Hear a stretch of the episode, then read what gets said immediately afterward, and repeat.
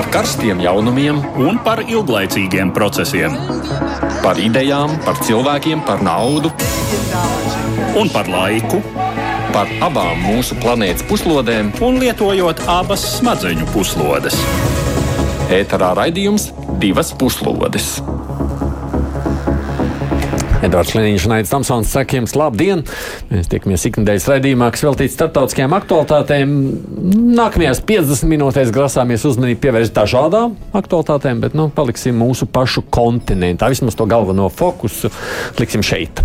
Vispirms pievērsīsimies Krievijai, kas meklē dažādus veidus, kā kompensēt savas militārās neveiksmes Ukrainā. Zaudējot pozīcijas Helsonas tūmā, Krievi turpina iznīcināt Ukrainas enerģētisko infrastruktūru.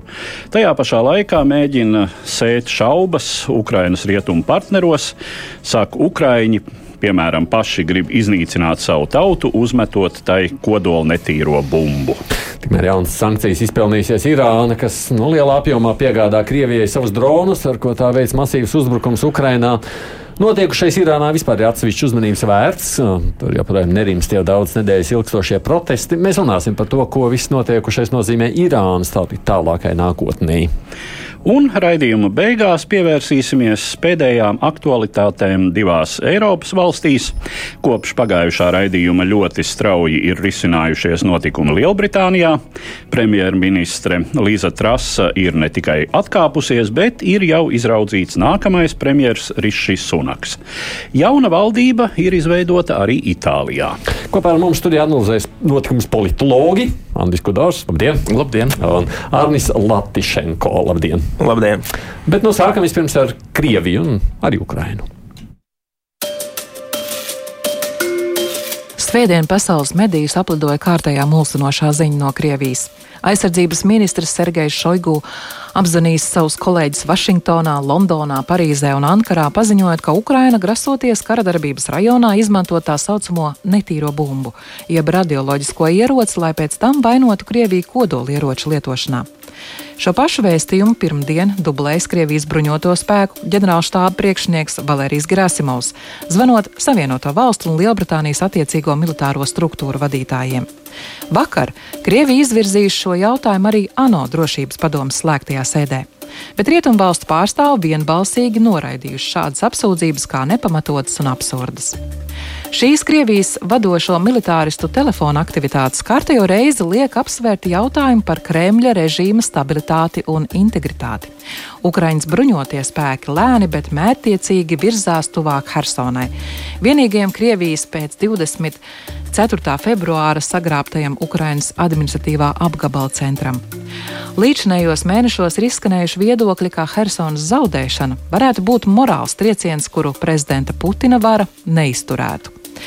Katrā ziņā ir skaidrs, ka būs nepieciešams grēkāzes, kuram uzvelt vainu par Ukrainā negūto uzvaru un Krievijas armijas nepietiekamajām spējām.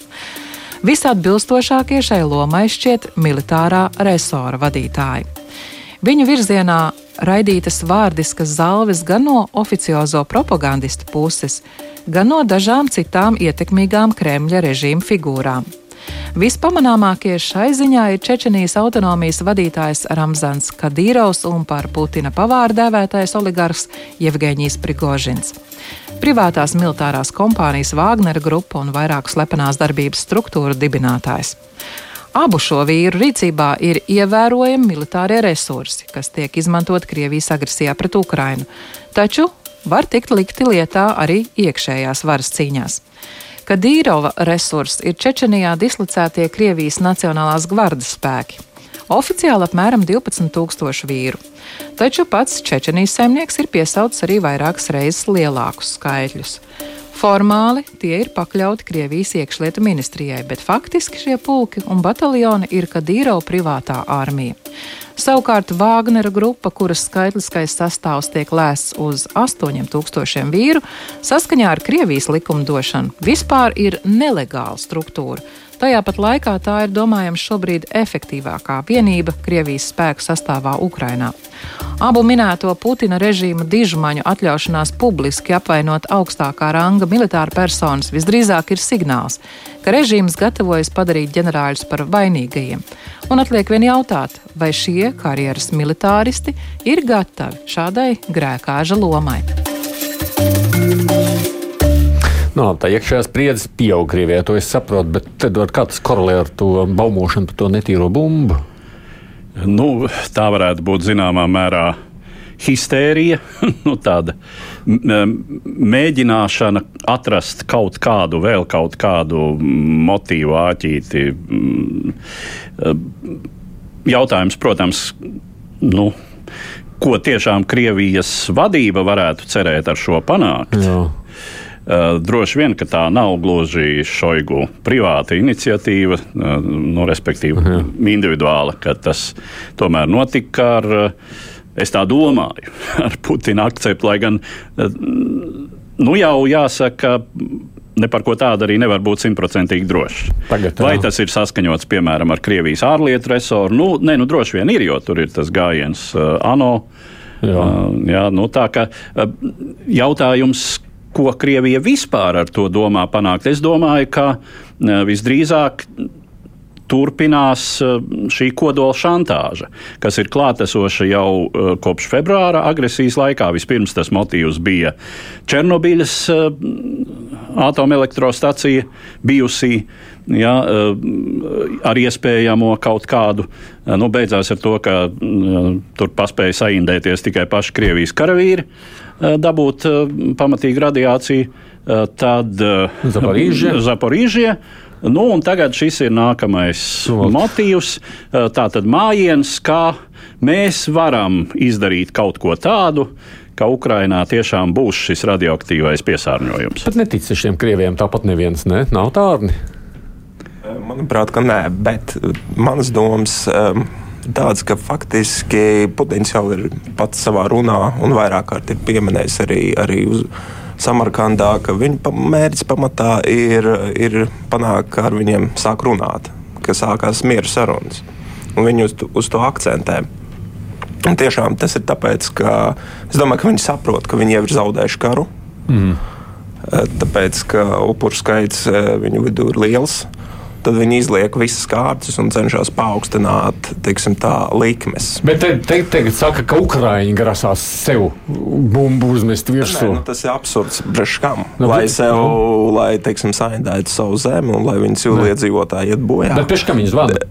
Viņi zvana ar mērķi baidīt tādu pašu mērķi, kā Putins savā uzrunās, eh, piemēram, runā, ka viņi var pielietot. Proti, viņi zvana to domu, sakot, Ukraiņi metīs, bet jūs saklausiet, ka īstenībā mēs varam uzmest. Tā. Jā, tieši tā. Jā, tieši, tieši tā. tā. Par to runa, bet eh, man, man nav maza ticamība, ka viņi to vispār izdarīs. Jo mm. pieminēt Zaporīžu, Černobiļā, tas vienkārši šantāžas viens no šantāžas veidiem. Mm. Ir citi, citas formas, ka viņi ar to pārtiku, ar graudiem šantažē ar, enerģē, ar enerģētiku. Kas nozīmē tāda zvanīšana, ir tāda spēle, kurā viņi zina, ka šajā spēlē jau var iesaistās, un visi saprot, ko, kā to spēli jātulko arī amerikāņi un franči. Jā, tas, ka kritiskās Francūži. situācijās vispār ģenerāli grib sazvanīties, ir labi un pareizi. Labāk, ka viņi sazvanās, un tie saucamie sarkanie telefoni vienmēr ir spēkā pat tādām valstīm, kurām nav diplomātsko attiecību. Tad, kad ir aiziet līdz tiešām nopietniem jautājumiem, piemēram, par kodolieroču izmantošanu, skaidrs, ka sarunas ir iespējamas iespējams. Bet eh, kas ir pozitīvi? Pozitīvi ir tas, ko es jūtu rietumu pusē nevēlas neviens pakļauties, nu, varbūt nevis neviens, bet teiksim, tā, tie pamatstraums spēlētāji nevēlas pakļauties kodolšantāžai. Tie vēstījumi nāk atpakaļ tādi, nu, pat nemēģiniet. Mm -hmm. Tie laiki ir pagājuši, Putins ir ar saviem, ar saviem vingrojumiem, ja ir panācis to, ka viņam netic, netic jā. viņu, uz, viņu uztver pareizi, kā viņš jāuztver. Proti, proti, viņš ir agresors, viņa režīms ir, uh, nu, tas režīms ir jāsagrauj. Vairs, ja mēs runājam 40. gados, kara laikā par Adolfu Hitleru režīmu, vai mums būtu jākautrējas, ka mēs teiktu, ka mēs gribam, lai režīms sabrūk? Mēs nekautrētos. Tāpat tagad nav jākautrējas, ja mēs vēlamies, lai Putina režīms sabrūk, tāpēc ka tas ir agresors. Ja? Tur, tur nekas labs vairs nenāk nāk un nav paredzams. Bet nav, vēl jau viss nav, kā saka, be, nu, labi, varbūt viņi ir apzinājušies, ka karš ir zaudēts, bet tajā pašā laikā jau vēl Tas jau nenozīmē, ka viņi taisās politiski zaudēt. Mm. E, viņi no ceļot likmes, piemēram, veicot aneksiju, viņi, teiksim, nostā, e, tas viņu, viņi Jā. pastiprina savas sarunu pozīcijas nākotnē. Viena lieta, ka viņi saprot, ka viņi nesasniegs savus šī kara mērķus, mm -hmm. bet uh, joprojām no šī kara aiziet daudz maz ar godu, kas faktiski, un tas ir ļoti svarīgi, šajā gadījumā nozīmē arī režīma eksistenci. Jo nu, tāda vispārēja sakāve, uh, kad šie nu, 70 tūkstoši. Es jau domāju, mēs varam lēst, ka tie būs 100 tūkstoši nu, krituši Krievu karavīru Ukrainā līdz kara beigām vismaz, eh, ka tie visi būs nolikuši savas galvas pilnīgi par neko, un viss beigsies, teiksim, ar aiziešanu arī no Donbasa un arī no Krimas, nu, ka faktiski savus kara mērķus simtprocentīgi sasniegs Ukraina. Tas ir Tas nu droši vien ir Putina režīma būt vai nebūt. Jautājums, jā, bet te jau tas būtu vai nebūtu, kā tu saki, redz, nav jau visi gatavi. Putins joprojām grib iziet no situācijas ar taisnu muguru, un viņam tas ir nu, praktiski neiespējami vairs. Bet nu, viņi ir radoši, viņi vienmēr parastās, exit stratēģija vai aiziešanas stratēģija eh, Kremlim parasti ir bijusi Putina laikā eh, šīs nepatikšanas nomākt ar vēl lielākām. Un tāpēc uh, pilnīgi izslēgt, ka viņi lieto kodolieročus, es nemaz neuz, neņemtos. Ja? Mm. Es, es teiktu, ka drīzāk ka nē, bet tas nav absolūti, ka nē. Mēs jau prognozējām savu laiku. Ne, nezinu, ko. No otras puses, ja viņi lieto, tad tās, tā taisnā mugura vēl mazāk iespēja ir iziet ārā. Tā kā nu, es piekrītu arī tam, ko kolēģi teica arī par to, ka nu, viņi grib tikt pie sarunu galda. Pārsvarā viņi vispār krīzēs ir bijuši tad, kad viņi Vēl ar Keriju tikās Lavrovs dažādās problēmas situācijās. Var redzēt, kā Lavrovs, nu, Krievijas ārlietu ministrs, kā viņš staro, jo viņi ir sasnieguši mērķi, viņi rāda televīzijā, viņi var pārdot iekšējai auditorijai, ka viņi ir svarīgi, viņi risina pasaules uh, svarīgos jautājumus. Jautājums ir tāds. Vai Kremlis ne, neradīs kādu problēmu pat ārpus šī reģiona, kaut kādu, kur viss pagriezīs galvas uz kaut ko vēl trakāku, es nezinu, ko, bet viņi ir radoši. A, ko Krievija vēl var izdarīt Krievijā? Nu, es piekrītu, ka viņi bija radoši, jo, nu, jo līdz šim pārtiks krīze, enerģētikas krīze, kodola krīze. Es maz, maz ticam, manuprāt, šobrīd Ukraina, vismaz šajā, jā. šajā momentā. Kaut jo ko mobilizāt... vēl briesmīgāk par Ukrainu, riebīgāku, kā tu saki, par Ukrainu ir grūti iedomāties, ko Krievija pati varētu izdarīt. Nu, Krievijai vienkārši nav resursu. Nu, Krievija nevar, teiksim, sākt šobrīd kādu militāru avantūru Kazahstānā. Nevar. Piemēram. Sīdzīpins paziņoja, ka viņi uh, garantē vai respektē uh, teritoriālo integritāti Kazahstānas. Nu, tas nozīmē, ka KDLO vairs nav jāpastāv diezgan pasargāti pateicoties no, Ukraiņai. Jā, Moldovas fiziski, jā, Ukraiņa. Pirmkārt, pirmkārt, otrkārt, uh, Rumānija turpat līdzās, kura pilnīgi noteikti šajā situācijā neatstātu Moldovu vienu.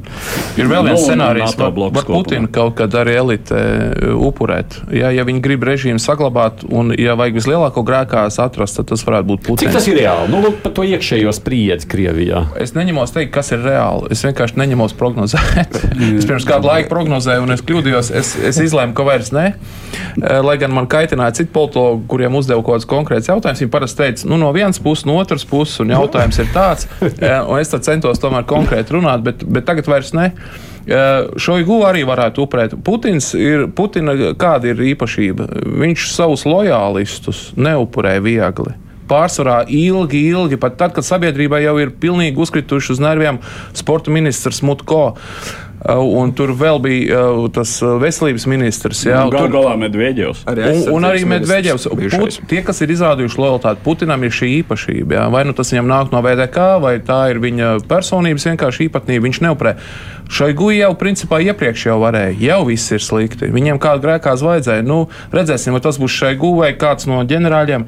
Putins publiski ir izteicies pozitīvi arī par ģenerāla štāba vīriem. Viņš saka, lūk, viņi to, viņi šo, es viņiem klausu, viņu ekspertīzē. Nu, Tas, protams, arī ir arī ērti pēc tam kādu no viņiem tomēr nopriekt. Galu galā tur jau ir izmaiņas bijušas. Jā. Mēs Grasījumu mēs taču neredzam vairs. Ja, bet tajā pašā laikā nu, tā kritika jau pašā iekšpusē Krievijas aug, vai ne? Ar, nu, nozīmē, ka kaut kādā brīdī tā pilnīgi nevar izslēgt sacīt, visi labi, mēs strādājam aizstāvam ne, tikai savējos. Pašā iekšēnē, pašā režīmā, ko jā. mēs redzam no Prigožina iz, izteicieniem, jā. gan arī cik mēs varam saprast, viņš ir viņam, te, teiksim, tā sejā to ir pateicis. Arī mēs redzam, ka, piemēram, ja kāds zina, kas ir Igors Girkins, bijušais FSB jā, kritizē. Jā, viņš ļoti nikni kritizē, bet viņš tāpat nevarētu runāt Krievijā tik brīvi. Tas jā. nozīmē, ka FSB acīm redzot, ir kaut kāda daļa, kas, kas, arī, kas arī nevēlas šo gūju. Un kā jau minēts, kādam būs jābūt pret grēkās, jo sakāv tuvojās. Un, un, un, un tur jau ne tikai armija, ne tikai armija ir vainīga, vainīgi ir primāri spēcdienesti, kuri, kuri iedeva nepareizu informāciju. Viņi nu, arī dabūja jau pa muguru, tie jau dabūja pa muguru, jā, tur pat līdz pat arestiem aizgāja. Sabiedrības viedoklis vēl ir levāda, lai gan viņi grūti nolasīt, socioloģija autoritārās totālās valstīs parasti nestrādā labi, un tomēr Tagad ir tie pēdējie dati. Septembrī ir uz jautājumu, vai valsts virzās pareizā virzienā, par apmēram 10% nokrituši. Viņi tāpat ir augsti ja tur bija kaut kāda 83% ilgu laiku. Mm. Tad tagad ir kaut kāds 77, un tie, kas pieprasa, un tomēr tie, kas pieprasa radikālas pārmaiņas valstī, tur ir kaut kāda arī 11 tikai procenti. Bet tas ir vēlreiz visu laiku mēs šos mm, aptaujas paturam tā ar rezervīti, ja, ne, neuztver to par, par baltu patiesību uzreiz. Bet ir viena mēneša laikā, septembrī, katrā ziņā tie Putina reitingi slavenie, viņi ir dažādi. Tur jāuzmanās, kāds jautājums ir ticis uzdots. Vai jūs atbalstat kopumā, vai jūs tagad viņu tur pārvēlētu un tā tālāk. Tur, tur jāskatās. Un tad tur atšķirībā no jautā, uzdotā jautājuma tie reitingi Putinam būs no 30 līdz 70. Ar kurā brīdī mēs varam gaidīt kaut kādu nu, tādu reakciju, kas liek mainīties? Nu, tam arī vairāk klausītāji to jau raksta. Bet, nu, kurš kādā brīdī liktu teikt, oh, nu, jā, kaut kas jādara tādā arī pašā Kremļa iekšpusē, kādu jau upurē? nu, daudzajā ziņā šāds brīdis jau ir pienācis. Bet, nu, nu, nav kā redzi vēl. Nu, teiksim, Helsonas krišana. Tur kaut kas, es domāju, nu, ir teiksim, arī izskanējuši viedokļi. Jau, nu, jā, lai gan pēc visas spriežot, Krievija grasās smagām, smagām aizstāvēšanās kaujām, ielu cīņām, cik nu Krievu armija tam ir atkal gatava. Nu, katrā ziņā, ja Krievijas armijas vadība sarīkos tādu, mēģinās pat, pataisīt Hersonu par mūsdienu Staļingradu, teiksim, nosacīt, ja, tad nu, tas būs asiņaini, protams. Bet, nu, ir jau viedokļi, ka ar Helsinas krišanu pietiks, lai pietiktu, lai Putina režīms sabruktu. Teiksim, Krievu, Krievu politologs Pjontkovskis, Amerikā mītošais, vairāk kārt es viņu esmu dzirdējis to sakām. Nu, Helsona kritīs, ar Putinu mm. būs cauri. Es par to nebūtu tik pārliecināts. Pēc visa tā, kā notiek tomēr Krievijā mobilizācija, uh, ka praktiski protestu nav lieluma lielajā daļā, ka nu labi, mēs vēl varam spekulēt par to, cik daudz numuru 200, cik daudz cinka mētelīšu ir jāpienāk Krievijā, lai tur sabiedrībā uh, notiktu rūgums. Lai gan es domāju, ka mm, šai ziņā Putina režīms ir izrādījies uh, dzīvot spējīgs. Uh, jā, Nu, kad varētu kas mainīties? Nē, lūzums, kā Ants teica, ir jau noticis kaut kāds. Mēs redzam, ka reitingi krīt, krievi kļūst ar vien teiksim, tā stresa līmenis sabiedrībā pieaug tieši pēc mobilizācijas sākuma, jo viņi saprot, daudz arī bēg jau gan arī bez mazliet miljons ir aizbēgts, viņi bēg. Tāpēc, mm. ka viņi saprot, ka te, teiksim, tā karš pārvērties no televīzijas, televīzijas attēla par viņu realitāti un tu, viņi var vienkārši nomirt. Mēs redzam, ka, ka bez mazliet iesauc, un jau pēc nedēļas ir viss līdzīgs. Nu, jā, jā, tā jau ir. Lai, līdz. lai gan, ja mēs atceramies vēsturiskās analoģijas, jā, lai sabruktu Romāno režīms Pirmajā pasaules karā, bija jābūt četriem gadiem pietiekami neveiksmīgas kara darbības ar atdotām diezgan lielām Krievijas teritorijām, ar uh, miljoniem upuru. Nu, labi, tajā laikā visas pasaules armijas cieta miljoniem liels upurs. Uh, Otrais pasaules karš. Jā. Tas ir kaut kāda krievi izturība. Krievi izturība. Krievi izturība. Afganistāna, piedodiet, jā. jā. Cik no, gadu skaits pareizi nebija tik liels Afganistānā kā tagad, bet arī jāņem vērā, ka režīmi var arī turēties ilgstoši pat tad, ja tev pilnībā sabiedrība neatbalsta. No, jā. Vai tev ir notiek, piemēram, ļoti smagi protesti, kā mēs redzēsim, pēc tam runāsim arī par Irānu. Irānu ir, režīms var turēties, balstoties uz savām spēku struktūrām. Viņiem ir uh, Rosgvardija, tā sauktā iekšējā armija. Uh, un Krievijas iedzīvotāju bailes, uh, kas ir pamatots, kas būs pēc tam. Ja Putina pēkšņi vairs nav, tad kas notiek tālāk? Vai, teiksim, vienā brīdī tiešām Maskavā neiemaršē Kadīrova armija? Jā, nu, Krievi šobrīd nav, Krievi šobrīd nav gatavi vēl tādām pārmaiņām. Tad, kad mēs vērtējam, kas notiks un kad kritīs režīms, parasti pirms kādiem desmit gadiem un pieciem gadiem, pat, kad mēs vērtējam to, mēs parasti spriedām par uh, vērojot krāstās, tā saucamās krāsainās revolūcijas, kad pietiekams skaits cilvēku iziet ielās. Ja starp viņiem, kā piemēram Armēnijā, bija arī Pašiņānam, kas palīdzēja, bija militāra personas, tas vēl bija svarīgs kriterijs. Runājot par Krievijas revolūcijām, tur svarīgi elites sašķeļās. Un karš ir, protams, arī, kā pieminēju, jo ja tas pats bija Japāņiem, kad Krievija zaudēja, tad arī bija piektā gada revolūcija. Uh, bet kas te ir svarīgi? Mēs vērtējam to iepriekšējo un spriežam, ah, ja būs šādi, tad noteikti kritīs. Un arī es tā kādreiz domāju, bet tad, ko mēs esam novērojuši pēdējos piecos gados, Putina režīms un arī Lukašenkas režīms ir advancēti režīmi. Viņi ir mācēju, mācījušies no krāsainām revolūcijām, izdarījuši secinājumus, ko darīt kad visi šie apstākļi ir un mēs spriežam, nu, tūlīt būs, ko izdarīt, lai tomēr nebūtu. Viņiem tas pašlaik ir veiksmīgi izdevies. Tas ir gan ar Zolotovu izveidotu institūciju ar Nacionālo gvardi. Viņi trenējās pat uz miermīlīgiem. Viņi, es atceros, vienās no, vienā no protestiem viņi aizturēja pat tos protest, protestētājus, kuri kaut kur slēpās pagalmos un neko mhm. īstenībā apdraudējumu nedarīja. Bija redzams, ka viņi trenējas lielu skaitu cilvēku pūļu savaldīšanā un arestēšanā. Tas pats bija Lukašenkas režīmu, tie autobusi, ko viņi izveidoja, un, un lai tur autobusos ilgstoši varētu tie cilvēki nosēst, tur viņi ir advancējušies. Un, un Lukašenka savulaik teica, no Ļeņina mēs esam mācījušies to, ka vara ir jātur ne jau trīcošās rokās. Un uh, arī Gorbačova pārmaiņu laiku viņi vērtē atšķirīgi ja mēs vērtējam, vai cik labi bija reformas, ja viņi vērtē, lūk, kas notiek, kad, kad palaiž vaļīgāk. Un viņi neko nelaiž vaļīgāk. Mēs Putina pēdējos piecus gadus esam redzējuši, ka skrūs ar vien stingrāk, ar vien stingrāk, stingrāk. Ziemeļkorejas režīms arī pastāv. Mēs tagad esam tādā jaunā situācijā, un jā, no Krievijas vēstures mēs varam spriest abus variantus. Negaidīti trijās dienās nomainās vara, un neviens nav īpaši pat prognozējis simtprocentīgi, bet vēl ir stagnācijas desmit gadus pat. Un tāpēc es kārtīgi reizes saku, nav vērts nav prognozēt. Vienkārši vienkārši varam vērot un analizēt. Jā, un kāpēc, teiksim, nenoturējās eh, režīms Kievā eh, pirms eh, tātad Maidana? Tāpēc, ka Maidans bija ne tikai stihiska tautas kustība, bet nu, no šīs kustības strauji izaugusi būtībā kaujas organizācija, nu, kas, kas bija teiksim, tais notikumos mm. tapšanas stadijā. Bet, uh, bet arī nu, pārāk mīksts, vai nebija? Jau, nu, viņi jau mēģināja, viņi mēģināja lietot šaujamieročus. Viņi mēģināja, bet jā, nebija varbūt... pretī ar molotovu kokteili. Jā, bet nu, viņi varēja vēl vairāk mēģināt. Jautājums, vai, piemēram, armija viņiem palīdzētu Janukovičam. Viņam varbūt tie resursi nebija pietiekami, uh, bet pazuda doma, ko es gribēju teikt. Jā, atcerieties, Ševardnādzes gadījums bija tāds, izgāja cilvēki uz ielas. Ševardnādzes teica, jā, es atkāpjos.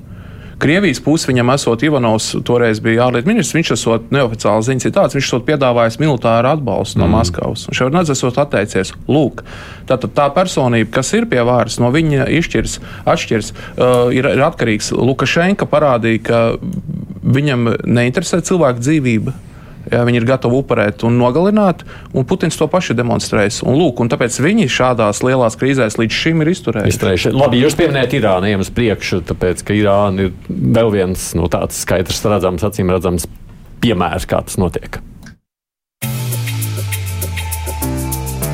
Irāna joprojām turpina noliegt, ka tā piegādā Krievijai kaujas dronus, kuru uzbrukumos pēdējās nedēļās cieš Ukrainas pilsētas, tā skaitā Kieva. Tomēr praktiski neviens vairs nešaubās, ka bezpilota lidaparāti, kurus Krievija raida pret Ukrainu ar nosaukumu Geraņ, ir tie paši Irānā ražotie šahedi. Pēdējās dienās parādījusies informācija, ka līdz ar droniem Krievijas okupētajā Krimā un arī Baltkrievijā ieradušies Irānas Islāma revolucionārās gvardas instruktori, lai uzlabotu Krievu militāristu dronu lietošanas prasmes. Tādējādi Irāna arvien ciešāk iesaistās Krievijas agresijā pret Ukrainu, un izskan viedokļi, ka par šo iesaisti atbildīgās personas būtu nevien pakļaujams sankcijām, bet arī tiesājams, jo Krievijas īstenotie dronu triecieni Ukrainas civilai infrastruktūrai tiek vērtēti kā kara noziegums. Tikmēr pašā Irānā joprojām nerimst kārtējais protestu vilnis. Masu protestu Islāma republikā pēdējos gados ir hroniska parādība, taču līdz šim tos lielākoties izraisīja pārtikas un citu resursu trūkums un dārdzība. Protestiem, kas iesākās septembra vidū, ir daudz tiešāks sakars ar Irānas klerikālā režīma totalitāro raksturu. Tie uzliesmoja pēc tam, kad Teherānā tika arestēta un pēc tam slimnīcā mira kurdu izcelsmes jauniete Mahsa Amīnī. Protestos, kas uzliesmoja pēc viņas nāves, pamatā piedalās jaunieši, kuriem nav pieņemamas klerikālā režīma uzspiestās normas. Sievietes un meitenes demonstratīvi atsedz galvu, griež matus un dedzina hijābus. Par galvenajiem pretestības centriem šobrīd kļuvušas skolas un augstskolas. Režīms kā ierasts pasludinājis protestētājus par valsts ienaidniekiem un ārvalstu dienestu sakūdītajiem, vēršoties pret viņiem ar brutālu spēku.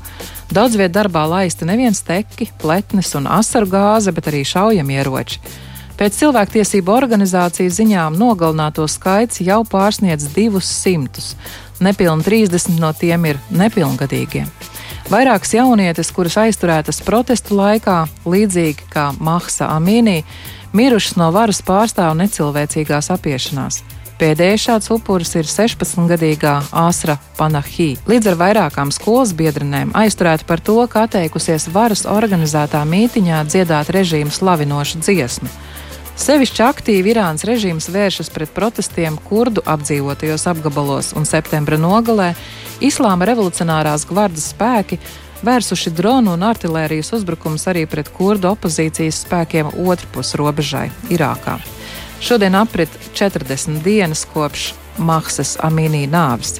Tātad noslēdzas islāmā pieņemtais pēcnāves sēru laiks, un ir sagaidāms, ka tas varētu būt jauns protestu katalizators. Runājot par Irānu, vai varam salīdzināt tajā Irānas cietībā, jeb gatavībā tikpat nežēlīgi rīkoties kā Krievija? Jā, noteikti te vēl ir uh, reliģiskā dimensija, ko, uz ko varbūt politologi pirms kaut kādiem gadiem, 20, nepievērs īpašu uzmanību, runājot par sociālām lietām. Te ir jāsaprot, ka režīms ir reliģiski motivēts. Tas nozīmē, ka iespējas uz kaut kādu kompromisu samazinās. Ja, tā reliģija ietekmē politiku vai uz labu vai uz sliktu, bet ietekmē spilgti. Mm. Tāpēc es neredzētu kaut kādu daudz optimismu kopumā. Es domāju, viņi. Uh, ko, ko vēl ir, cik es, cik es no cilvēkiem, kam ir kaut kāda saikne ar Irānu, jā, klausījies, man vienkārši viena ģimenes draudzene apprecējās ar, ar Irānu un dzīvoju kādu laiku tur. No tādiem cilvēku stāstiem jā, es sapratu, tur ir daudz liekulības, daudzi nesimpatizē režīmam, bet vienkārši pakļaujas noteikumiem. Cik liels skaits ir atkal kā parasti totalitārās, autoritārās valstīs grūti noteikt, cik ir tas. Jā. Tas, mm. ka ir drosme iziet uz ielas, nu, tas ir gandrīz vai apbrīnojami tādā režīmā. Bet, jā. Tur ir, tur ir, un ir. tur iet un bojā iet, un vienalga cilvēki iet ielās. Un ko tas nozīmē tālāk? Jā, jau tās, ka... gadus apmēram, pat vairāk viņi protestē, ik pa laikam šie protesti uzpelda agrāk. Ir bijis slavenais tas vistu gaļas eh, protests, kad cenas pieauga.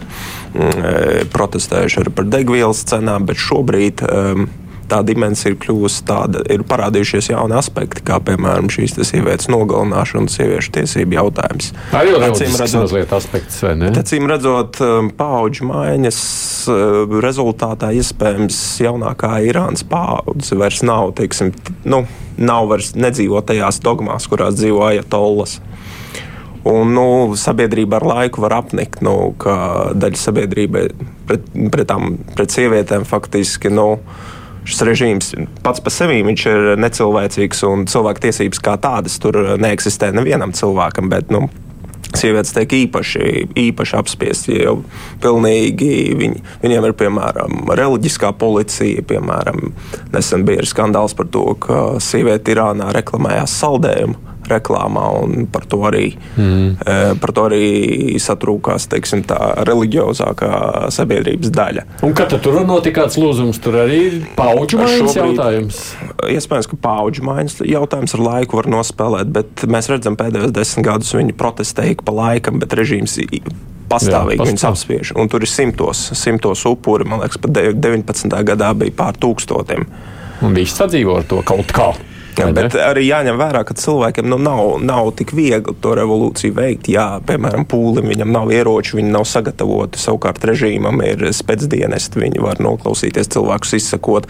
Eh, viņi ir bruņoti un teiksim, organizēti. Viņi ir organizēts mazākums. Jā, nu, un šie spēcdienesti bez visiem citiem motīviem ir arī reliģiski motivēti. Nu, jā, un, uh, droši vien, ka te, nu, tā atbilde ir tāda, ka tad, kad uh, mm, sabiedrībā nu, nepārprotams vairākums. Ja mēs domājam par Krieviju, tad, tad tur iespējams, ka būtiskas pārmaiņas panāk aktīvais mazākums. Ar Irānu tomēr ir tā, ka salīdzinoši liela sabiedrības daļa ir par šo režīmu, ir par šīm dogmām, jo tā ir ticības lieta. Tas ir tas, kā Ajatolas saka, kā ir jābūt, kā pravietis to ir gribējis. Sabied, tiešām lielākā sabiedrības daļa. Vai mēs ir kaut kādi skaitļi? Ne, es gribētu piebilst, ka ne tikai reliģiskais faktors, bet arī pašiem spēku struktūram tas ir ekonomiskais faktors. No, jo parasti visos režīmos spēku struktūra dzīvo pavisam citu dzīvi no pārējās sabiedrības. Tas ir gan Ziemeļkorejā, un viņi pat iespējams uztver savu sabiedrību. Eh, daudz, daudz, piemēram, klausoties ļoti daudz eh, ziemeļkorejiešu pārbēdzējus, it sevišķi tos, kas agrāk bija režīma, režīma sarksuļi, viņi, viņi, viņi uztver to sabiedrību, nu, teiksim tā, kā dzīvniekus. Nu, varbūt ne gluži kā dzīvniekus, bet uh, nu, kā, ganām, kā savu ganāmu Ganā pulku. Ja? viņi ir ekonomiski motivēti un viņi arī baidās, ka, ja režīms krīt, tad sekas viņiem arī būs varbūt ne tikai ekonomiskās, pat, pat dzīvības zaudēšana. Bet skatoties šajā Krievijas kara kontekstā ar Ukrainu, nu, mēs redzam tātad Irānu faktiski ar saviem droniem, bet tā ir tāda, nu, tāda piereiz, nu, kad jau viens režīms, tad otrs blakus, nu, tad darbojamies nu, kopā. Tā droši vien ir zināma šo pasaules izraidīto to solidaritāte. Mm. Un, nu, tas, protams, ir gana smieklīgi. Ja, ja kāds pirms uh, gada teiktu, ka Krievijai būs jābalstās uz Irānas tehnoloģisko un tehnisko palīdzību, ja? bet tāda ir tā, vai ne? Jā, bet ir izrādījies, ka tā tas ir. Uh, nu, Irānai, protams, tas acīm redzot, nu, ir jau šīs spekulācijas par to, ko tad Irāna ir saņēmusi pretī. Uh, Uh, viena lieta, jā, var būt naudu, uh, naudu energoresursus, uh, tas būtu tā loģiski. Un, Bet nu, ir jau, protams, pieļāvumi, ka arī kodola tehnoloģijas, lai tiktu pie savas kodolbumbas. Bet tas nozīmē, ka starp Irānu un Rietumiem būtībā nu, bija taču mums pirms pāris gadiem tās cerības, vai ne, ka liekas, ka Irāna nu, ļausies mazliet, viņi grib pavērties vairāk vaļā. Cerības, jā, un tas bija Eiropas Savienības pārsvarā cerības, jā, un tad tur ASV varbūt bija sašķeltāks tas viedoklis, ja vieni bija vairāk sadarboties, tie demokrāti un tad republikāņi vairāk pret. Asāk, te ir interesants Izraels faktors. Ja, tas ir, ko Ukraina, protams, ir jau kauninājusi Izraelu par to neutralitāti. Tas ir garš stāsts, mēs nepaspēsim izrunāt ne, par Krievijas ietekmi Izrēlā. Es tikai izteikšu cerību. Es ceru, ka Izraela dēļ Irānas faktoru sāks tuvināties ar Ukrajinu un, un sniegs lielāku palīdzību. Ja, jo viņi militāro palīdzību nesniedz, bet nu, tur bija ziņas par to, ka viņi ir izdarījuši triecienu pa to dronu ražotu mm. Irānā. Es domāju, ka Izraela šeit, manuprāt, pieslēgsies arvien vairāk, un viņi ir tāds uh, svarīgs spēlētājs, jo runa ir par Irānu. Un Izraela arī var, var šo Irānas uh, problemātiku pacelt starptautiski, tā skaitā ASV. Un es domāju, ka Irāna arī vieglas dienas. Viņam jau tāpat neiet viegli, bet viņam die, tuvākā laikā viegla diena nebūs. Tad tāda maza ziņa varbūt replikai vienīgais šodien, man liekas, no rīta skatījos, ka tie dronu ražotāji ir nogalināti protestos. Uh, nu, to vai viņi ir gājuši, bo... jā, viņi ir nogalināti divi, divi virsnieki, kas cita starpā ir atbildīgi arī par uh, dronu piegādēm Krievijai, ir gājuši bojā pilsētā, kura ir protestu pārņemta. Bet, eh, nu, kā zināms, ir bijuši gadījumi. Tad domā, ka Ukraiņas spēcdienas tur Nē, Ukraiņas spēcdienas to Nē. diez vai ir spējīgi izdarīt, bet Izraels spēcdienas Izraels spēja. Varētu, varētu. Spēja gan, jā. Varētu būt. Nezinām. Bet tā, viņi neteiks. Jā, nu skaidrs. Tas nozīmē, pabeidzot tikai šo tēmatu, tas jautājums par Irānu kļūst ar vien aktuālāks, kā izskatās. Es domāju, ka noteikti, cik es šodien lasīju, arī, arī cik es saprotu, Izraels prezidents viesojas ASV, Itshaks Hercogs. Viņš ir gatavs uh, dot pierādījumus tam, ka tiešām Irāna piegādā piegādā dronus un sadarbojas ar Krieviju aktīvi par to nav šaubu, ka Izraela centīsies arī maksimāli aizstāvēties šajos apstākļos. Protams, Izraēlu, Izraēlu nevar e, vainot, ka viņi dara pārāk maz. Jo jāņem vērā Izraels īpašā teiksim, situācija. Viņi ir ienaidnieku ieskauti, jo viņiem ir gan Hamas, gan, gan Hezbollah blakus. Un, un, un, un, teiksim, tā, daudz ir darīts, daudz ir tas, ka Izraela pateikusi atbalstu, jau ir daudz. Jau daudz jā.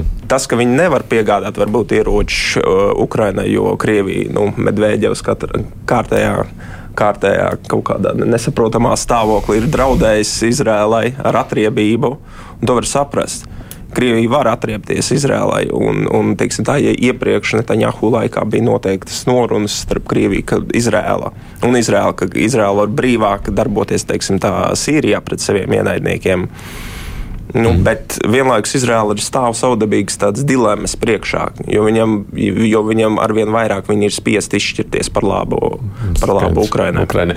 Mēs par Izraelu parunāsim ar Eduardu nākošais, es tā ceru, tāpēc, ka viņiem ir vēlēšanas, un ar to mums Izraela būs noteikti uzmanības lokā. Bet ir vēl pāris aktualitātes, kam vajag šodien raidījumā veltīt nedaudz laika. Nu, mēs jau redzam, ka karš un tā izraisītā ekonomiskā krīze atstāja ietekmi arī uz politiku un uz vēlētāju prātiem. Šajās dienās ir tapušas vai top vairākas jaunas valdības Eiropā, tāpēc tagad raidījuma beigās pievēršamies tam. 25. oktobrī noslēdzās rekordīsais Lielbritānijas premjerministres Lizas Trases varas periods. Tas ilga vien 50 dienas.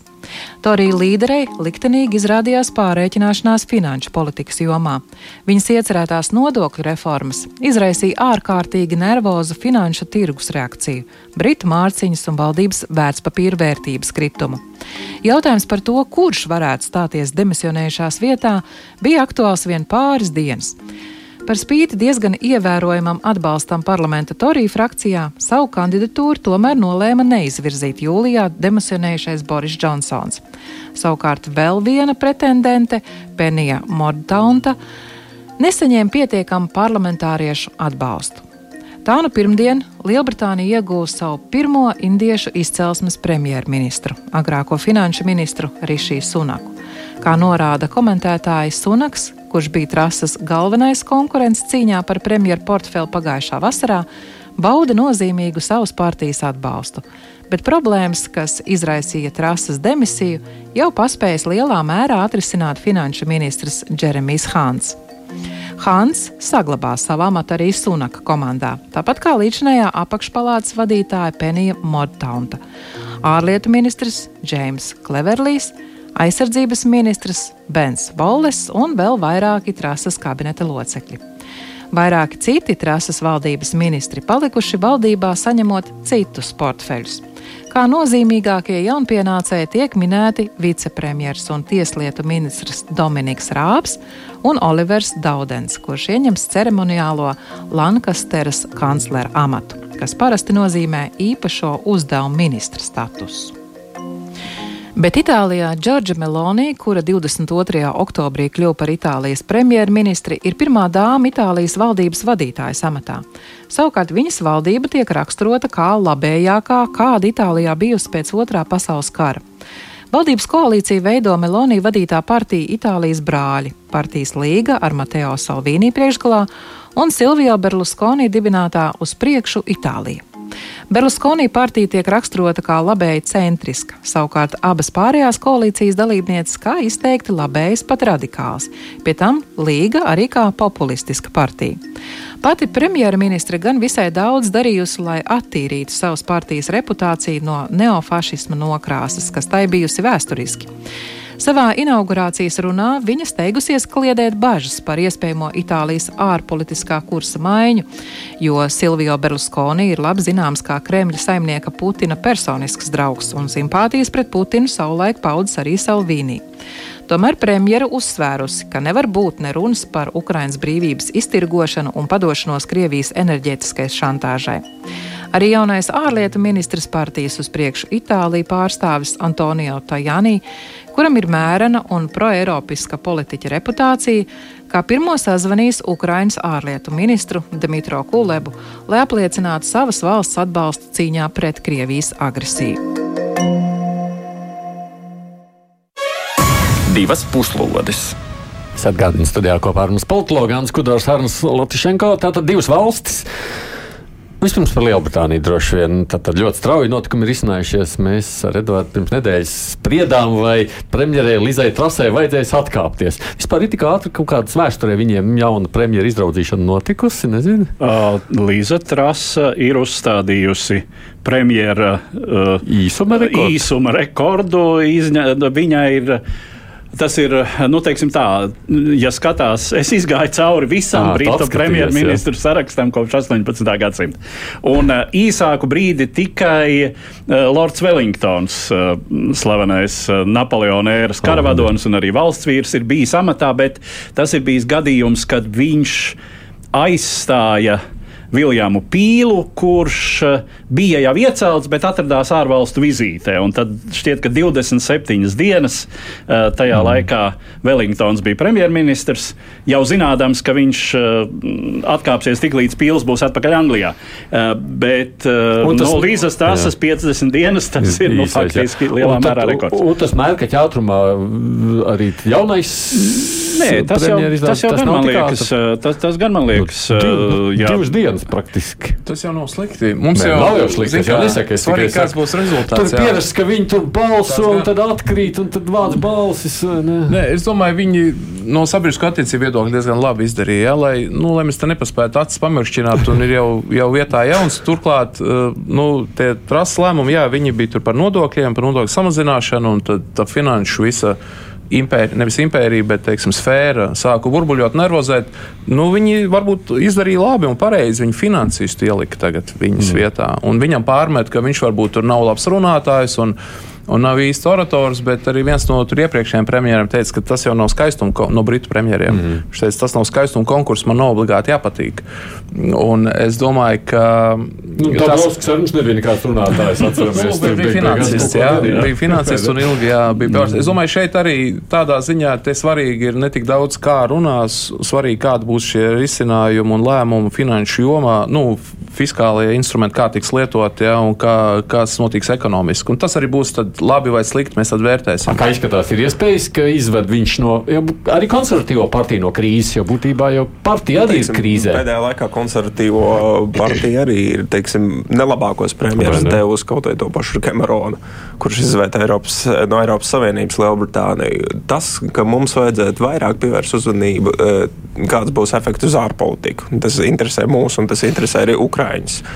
Eh, un, teiksim, tā, jā, šī iekšpolitiskā turbulence, tas novērš, varbūt pievērš, novērš uh, Britu sabiedrības uzmanību no ārpolitikas, liek pievērsties vairāk iekšpolitikai, bet ar Lielbritāniju, teiksim, tā eh, cik mēs saprotam, ka konsekvence ārpolitikā tiks ieturēta. Tas ir pats svarīgākais. Nu, partija jau tā pati Jā, partija, tā, tā, pati, tā pati Boris Džonsona politika faktiski arī Līza Trasa teica, ka viņi turpinās.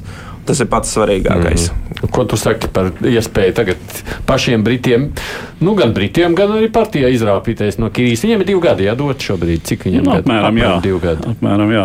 Uh, nu, jā, tas tiešām ļoti lielā mērā būs atkarīgs no tā, kā Lielbritānijai veiksies ekonomiski un sociāli.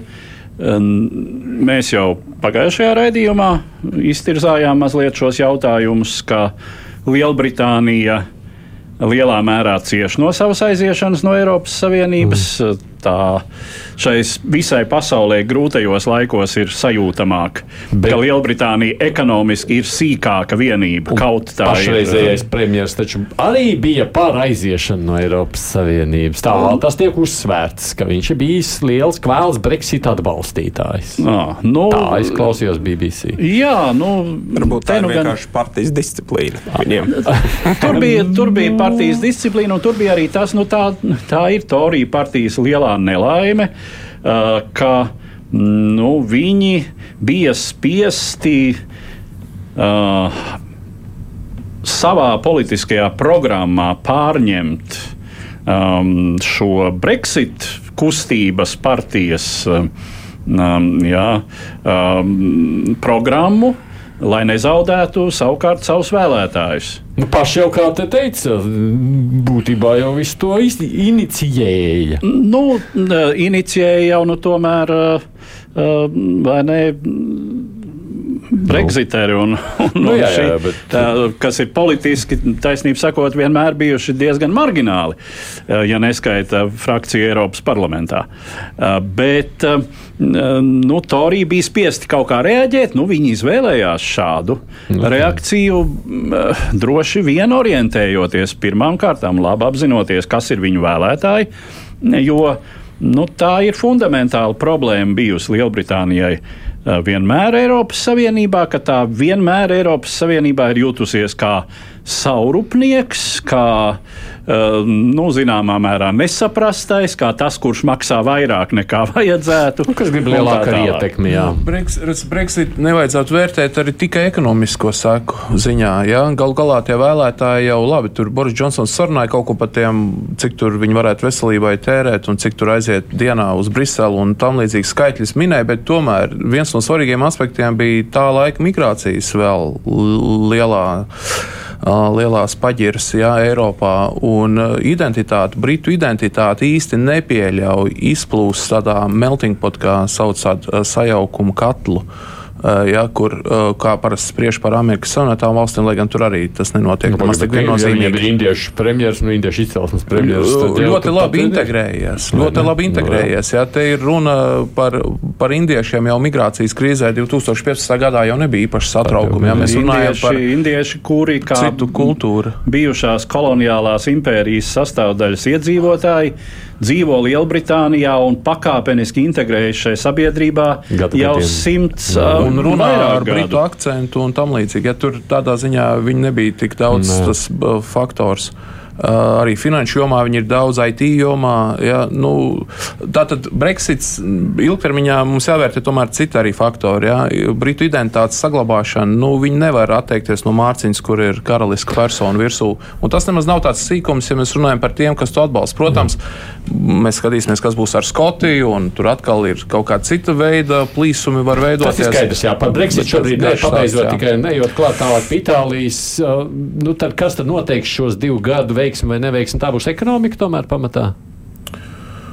Uh, nu, jā, jāstāsta, kas ir, ko viņa aptaujā sabiedrība rāda. Es tagad neesmu skatījies, par ko viņiem ir lielākā sāpe. Katrā ziņā, kā jau tika minēts, ārpolitika, es domāju, kurs saglabāsies Itālijai, un tur bija uztraukums, un man par prieku, es vismaz ceru, ka tas, ko, ko, ko Melonija saka, ka tas tiks turpināts. Mm. Salvīnī mēs redzējām fotografijās ar Putina bildi uz sarkanā, ar Putina bildi uz tēkrakla uz sarkanā laukuma. Bet uh, Putins ir tik liels nepatikšanas savārījis pats sev un pasaulē, ka arī tiem, kas agrāk spēlēja tur draugus, un varbūt arī kļuva par draugiem, kā Šrēders un, un Berlusconi, tad tagad tiem pāriem, kas uh, kaut kādu ekonomisku mērķu dēļ uh, tēloja draugus, viņiem tas tagad ir apgrūtinoši. Un es priecājos, ka uh, Eiropas konservatīvie vismaz daļa no viņiem nu, cenšas atkratīties no šīs, no šīs birkas.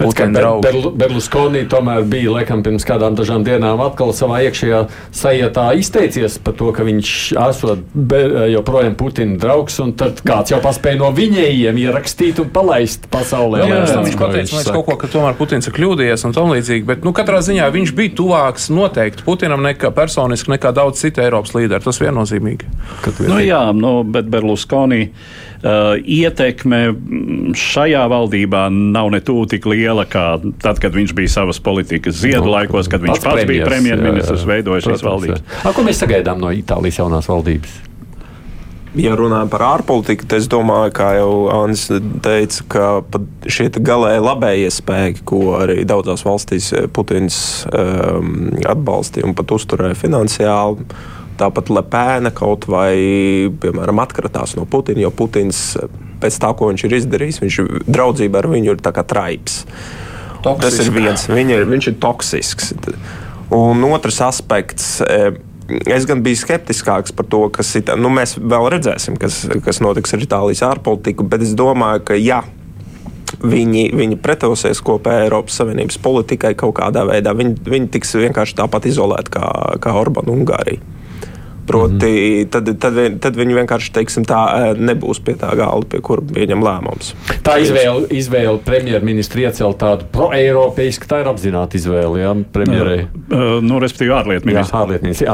Jā, jā nu, es domāju, ka nepārprotam. Un tas, jā. ir, tas ir man vispārliecinošākais signāls, jo, nu, zinot tā Jānī kunga politisko biogrāfiju, arī tas, cik viņš ir prominents, es teiktu, ka tā Jānī ir prominentākais politiķis vispār šajā valdībā, bijušais Eiropas parlamenta prezidents, bijušais Itālijas eirokomisārs diezgan ilgus gadus. Nu, tā tad cilvēks, ar kura uh, Uh, politisko renomē ļoti saistās Itālijas eiropeiskums. Tad viņš tur ir saistīts šajā nu, valdībā? Nu, šajā valdībā viņš ir, ir no Berlusconi partijas, no, no, partijas, no Forza mm. Itālijā. Okay. Jā, jā, nu, bet jā, pats par sevi arī interesants fakts, vai ne? Nē, nē, bet nu, Berlusconi partija no šīm visām ir salīdzinoši vismērenākā. Jā. Tas, ka Berlusconi pašam ir čomiskas attiecības ar Putinu, bet nu, tās, tās ir lielā mērā tiešām personiskas attiecības. Tajā pašā laikā, protams, Itāļi jau arī saka, nu kā viņiem jau tas lielais galvenais jautājums ir ekonomika. Nu, var jau saprast. Ekonomika, bet vēl arī tādi kultūras sociālajie jautājumi. Ja? Teiksim, tas, kas tur no Melonija ir skanējis arī par atbalstu dab, dabiskai ģimenei, tā nu, ir nozīmīga daļa Itālijas katoļu, kuri atbalsta konservatīvās vērtības. Ja? Un es kā konservatīvo vērtību atbalstītājs priecājos, ka ir, ir kaut kādi spēki, kas par to runās augstā līmenī. Tev viņa ir radnieciski tuva. Dažos aspektos, ne visos. Jā. Mēs jau ir grūti nevar salikt vispār ne partijas, ne kāds cilvēks un politiķis kaut kādā noteiktā kastē, lai mums tad viss sakristu. Jā, jā noteiktos aspektos noteikti. Jā. Ja runa ir par dabisko ģimeni. Protams, nu, jā. nu, migrācija arī Itālijā ir aktuāls jautājums. Vai, nu, vai tā tur, ir un būs. Vai, vai tur kaut ko valdības maiņa var izdarīt? Es domāju, tikai, tikai vēl stingrākas politikas virzienā. Uh, lai gan nu, iepriekšējā valdība arī šai ziņā bija iespēja robežās konsekventi un centās šo migrācijas plūsmu bremzēt. Nu, ko viņi tur var nobremzēt? Viņiem jau nāk nelegāli iekšā, vai ne? Tie, kas tur peld pāri. Nu, jā, bet, uh, bet ir iespējas kaut kā mēģināt, uh, un šajā ziņā jau ir ļoti svarīga sadarbība ar Eiropas struktūrām, jo tie risinājumi migrācijas plūsmas mazināšanai pāri vidusjūrai, tie ir Eiropas kopīgie risinājumi. Tas, kas bija, protams, pēdējā laikā, runājot par Itāliju, vēl vienu minūti mums ir, nu, bija tāds jautājums par to politisko stabilitāti. Visu laiku tā, tā, tāds, nu, tāds, tāds, tāds, tāds, nevar saprast, kā tur tālāk viss būs. Viņiem nekad nav bijis īpaši atšķirīgi. Ja? Itālijā valdība tā maiņa, tur, man liekas, viena no tādām turbulentām valstīm ir Itālija, jāskatās ilgtermiņā. Tur, šis ir demokrātijas labums, ka tas, kas izskatās turbulents, ir labāks nekā autoritārā stabilitāte, tāpēc, ka cilvēki zina, ka viņi atkal pēc diviem, trim, četriem gadiem varēs nomainīt savējos. Un tāpēc ir vienkārši nācijas, kur tas ir spilgtāk, skaļāk, biežāk mainās. Un ir, kur ir stabilāk, bet kopumā demokrātija šajā ziņā ir labāka par autoritārismu. Bet šobrīd izskatās, ka varētu būt stabilāka. Es valdība. arī izteiktu tādu piesardzīgu cerību par uh, finansiālās politikas konservatīvāku un stabilāku gaitu, kas acīm redzot Itālijai ir vajadzīga. Nu, protams, saprāta robežās, ja?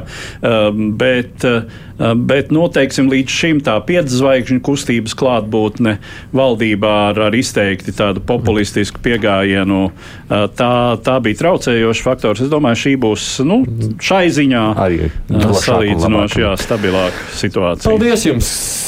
Kolēģi un politologi, politologi Ants Kudors, Arnus Latšenko. Paldies par piedalīšanos mūsu raidījumā. Paldies. Edvards Līniņš, protams, un arī es Aidis Tomsons studijā producēju raidījumu Evi Junām. Nu, tā tad nākamā nedēļa, pilnīgi droši jau varam sacīt, būs jārunā par vēlēšanu rezultātiem Brazīlijā mums ar Edvardu, jo nu, šī lielā Dienvidamerikas valsts ir tāds būtisks izvēles priekšā. Nu, un kā jau te pieminējām, būs jāskatās, kā beigsies parlamentu vēlēšanas Izrēlā. Nu, lūkosim, kas vēl būs noticis nākamo dienu laikā. Tad tiekamies ētrā, mēs jau šeit pēc nedēļas divas puslodes.